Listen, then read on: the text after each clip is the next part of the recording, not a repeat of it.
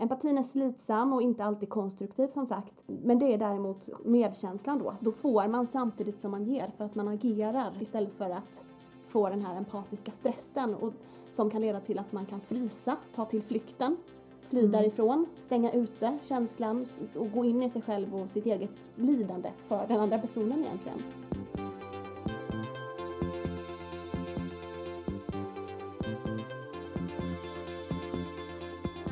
Du lyssnar på HSP-podden med Leveby och Klar.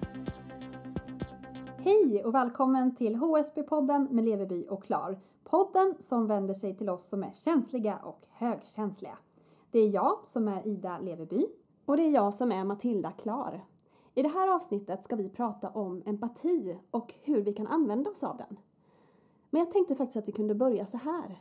När kände du empati senast, Ida?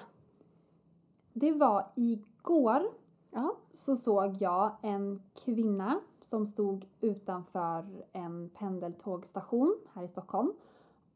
Och jag har sett henne förut när du och jag har ätit lunch på mm -hmm. jobbet.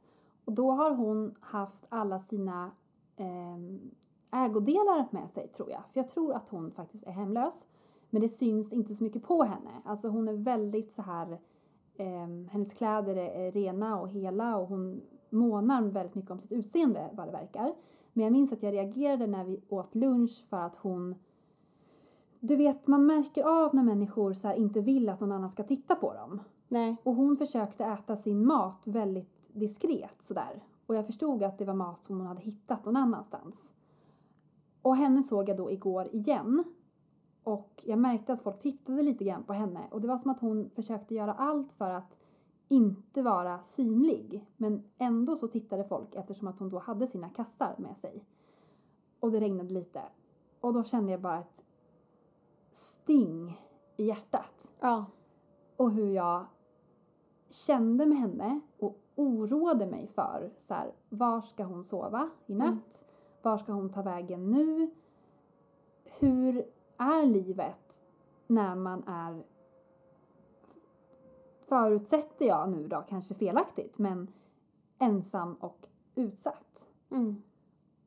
Och det blev så jobbigt. Ja. Det, det tänker jag väl är empati. Ja. vet ju inte jag hur hon kände i den här stunden. Nej. Men så kände jag. Ja. Hur skulle du säga, vad, när hade du din en sån känsla senast just med empatin? Men senast så var det en positiv upplevelse faktiskt. För att empati kan ju också vara när man känner glädje för någon, tänker jag i alla fall. Absolut. Eh, och det var faktiskt när jag tittade på TV. Eftersom jag var hemma i princip hela dagen igår så tittade jag på um, någon repris av i Idol 2018. Och så såg jag den här killen, jag kommer inte ihåg vad han heter. Men han, eh, man har sett honom tidigare i tidigare auditions och då hade han showat väldigt mycket väldigt mycket wailningar och liksom, han har varit väldigt mycket sådär och det, han har varit duktig.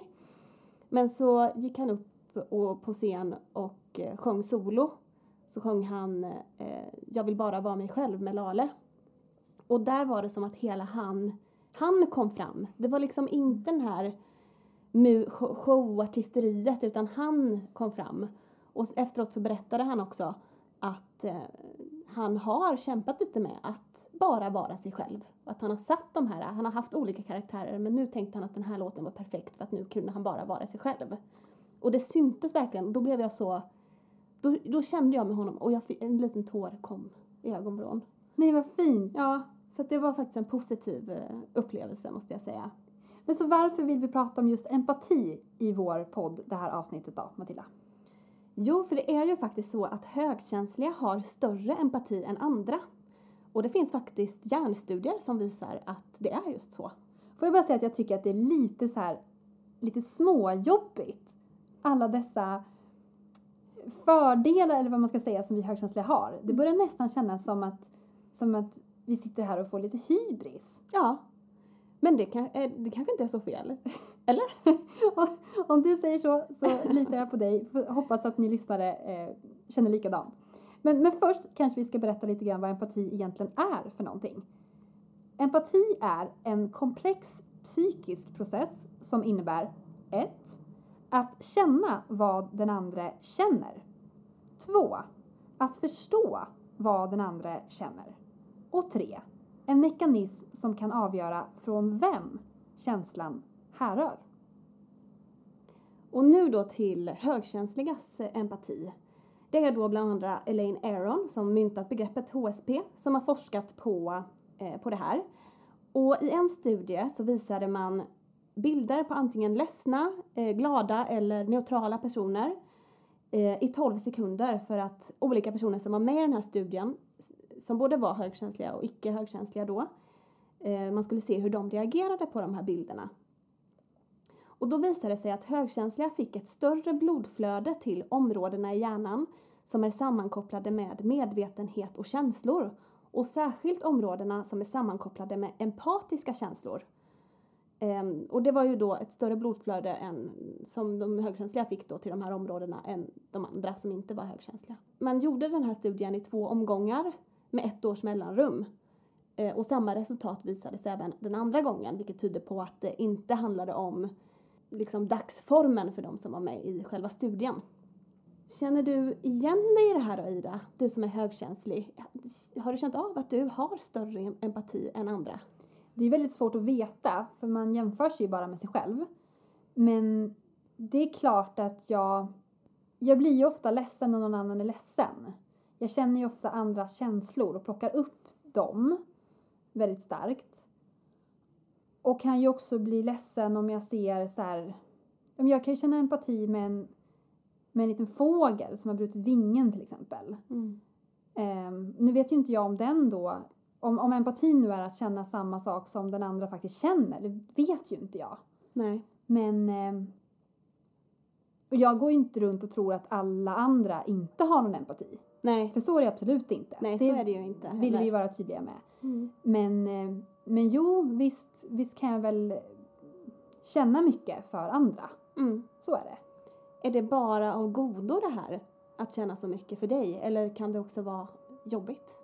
Alltså jag tycker nog att för det mesta är det jobbigt. Du berättade ju om positiv empati. Mm. För min egen del så är det nog mest eh, jobbig empati på så sätt att jag mår dåligt när andra mår dåligt. Mm. Eller att till exempel då när jag ser människor som är svaga eller i utsatta positioner.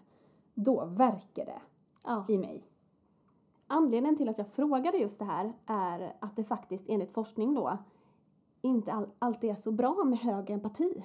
Nähä. Faktiskt. På tal om det som du sa innan att vi bara höjer oss själva, alltså höjer högkänsliga men det är inte bara en bra egenskap för en själv enligt forskningen. Mm. För att för mycket empati kan bli en dålig grej. Vi kan bli stressade och själva må just dåligt när vi känner empati. Vilket du tog upp precis. Det skriver bland annat Psychology Today. För vi lider ju med den som mår dåligt vilket såklart blir jobbigt för en själv också. Och, men det är inte bara den som har empati som drabbas av det här utan även den som man känner empati för kan drabbas.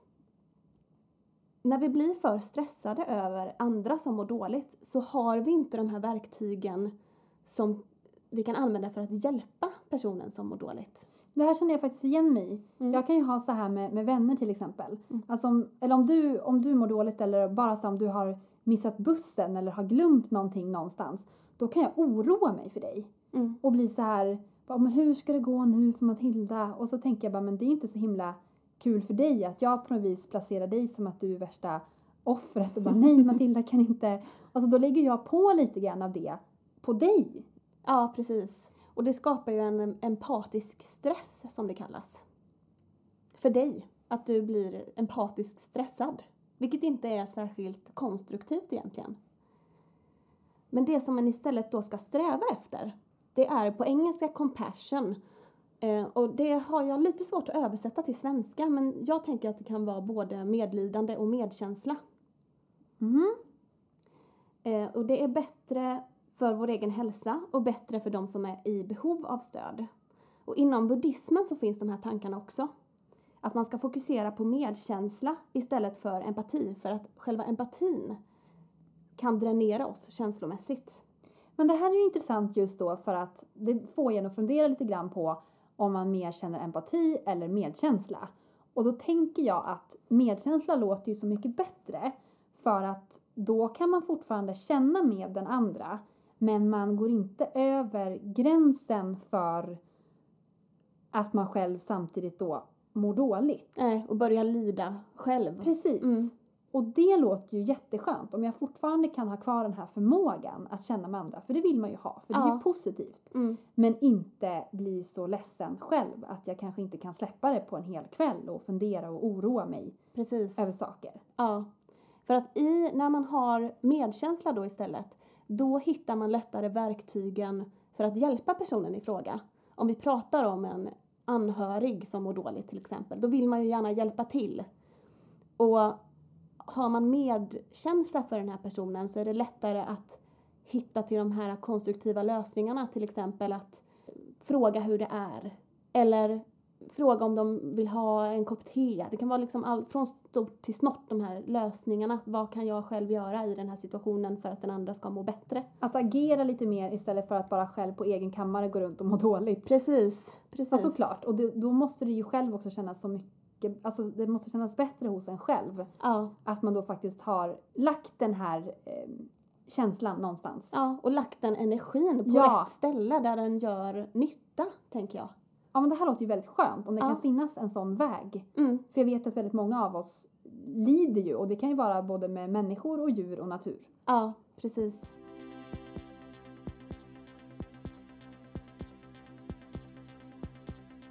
Och det finns en eh, forskare som har tittat särskilt på, på det här med skillnaden på empati och medkänsla.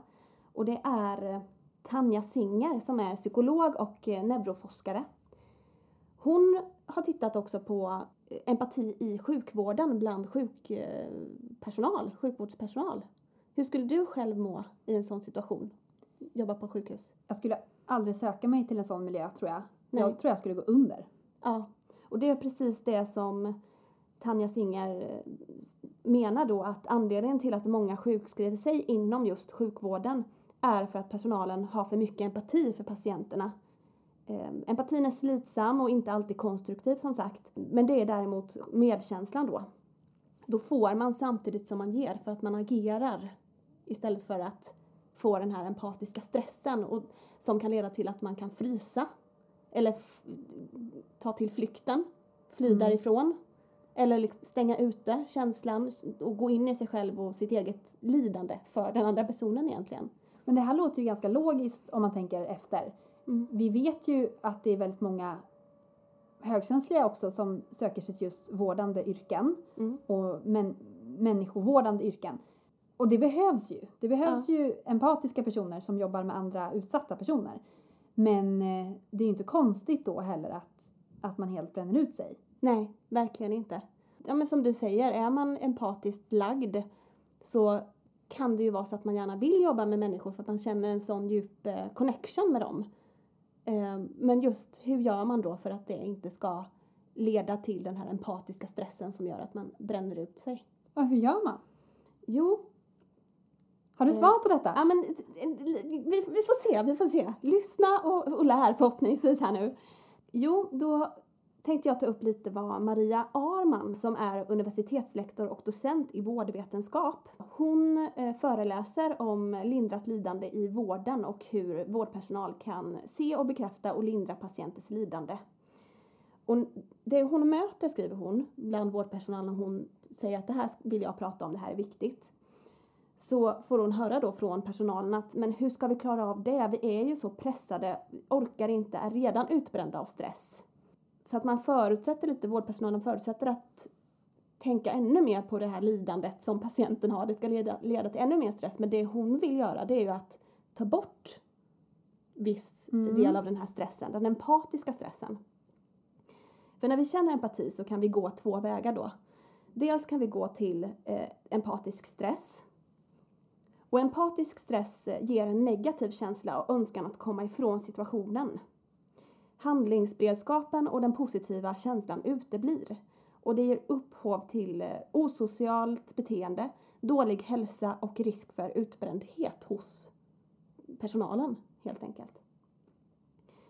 Men däremot då kan man välja den andra vägen eh, och det är kapaciteten att se och reagera med positiv omsorg utan att drabbas av den här stressen och det är ju då genom med, att man går in i medkänslan istället. Då kan vi alltså applicera det på högkänsligheten mm. i att vi har den här förmågan, den kommer vi alltid ha.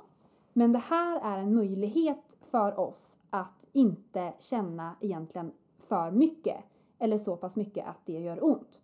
Vi vill att ni som lyssnar kanske ska öva i att ha kvar empatin men inte ha den empatiska stressen utan istället använda er av medkänslan. Precis. För då behåller vi våra känslor men också våra gränser någonstans. Exakt. Och vi dräneras inte. Nej, och vi kan använda empatin till någonting konstruktivt och bra för oss själva och för den drabbade personen. Och det kan vi göra inom alla områden i livet ju, vad ja. det än rör sig om. Absolut, det tycker jag. Och här kanske jag har fått i alla fall en, en tankeställare och det kanske ni som lyssnar också har fått. För det här är kanske ingenting man tänker på dagligen men visst reagerar vi ju kanske säkert någon gång per dag i alla fall just det här med att få det här hugget i hjärtat i att vi känner för någon annan. Och kan vi vända det till någonting positivt och konstruktivt, då skulle vi kanske må lite bättre varje dag. Det är helt sant tycker jag. Hur skulle du vilja vända på det här? Har du några, någonting du vill? Ja, för min egen del så handlar det nog om att tänka lite mer positivt om andra människor att inte förutsätta att alla har det jobbigt bara för att jag känner att det är jobbigt. Det är som den här bussen, att jag missar bussen tycker inte jag är så jobbigt men du läser in att ja. för att du själv skulle tycka att det var jobbigt Precis. så är det jobbigt för mig också. Och då försöker jag tänka att okej, okay, men så här ser jag det utifrån min situation. Men det betyder inte att du tycker att det är jobbigt.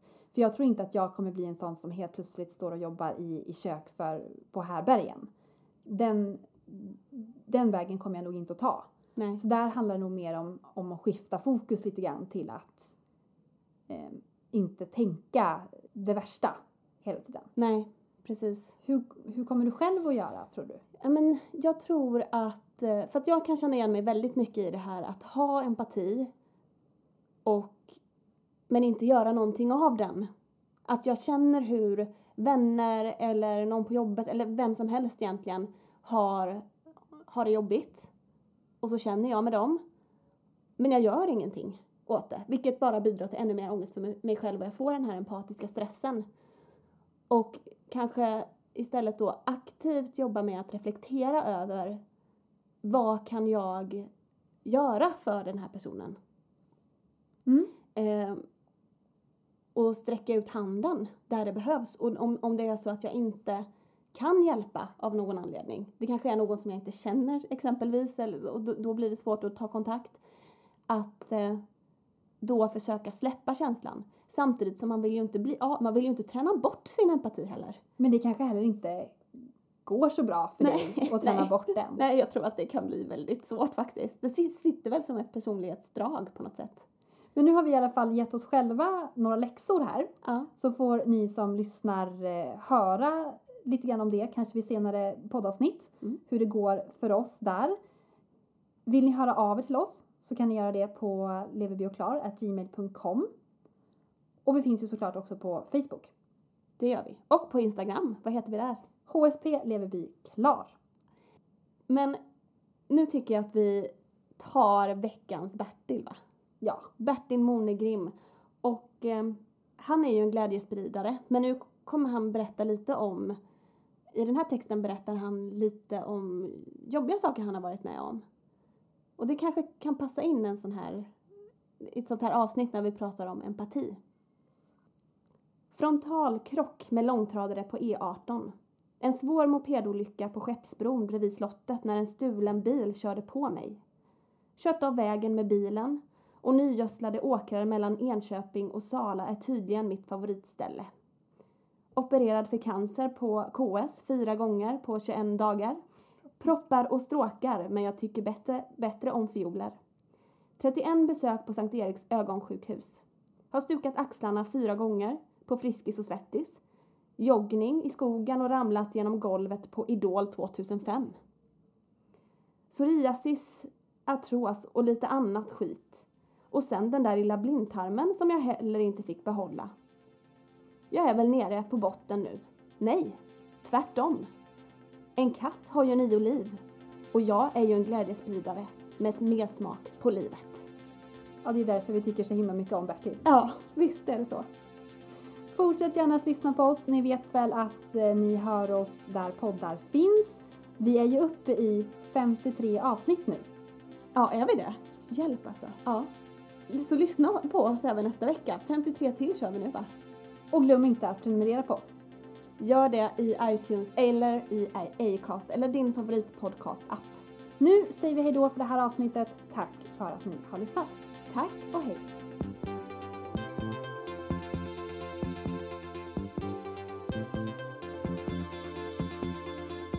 Du har lyssnat på HSP-podden med Leveby och Klar.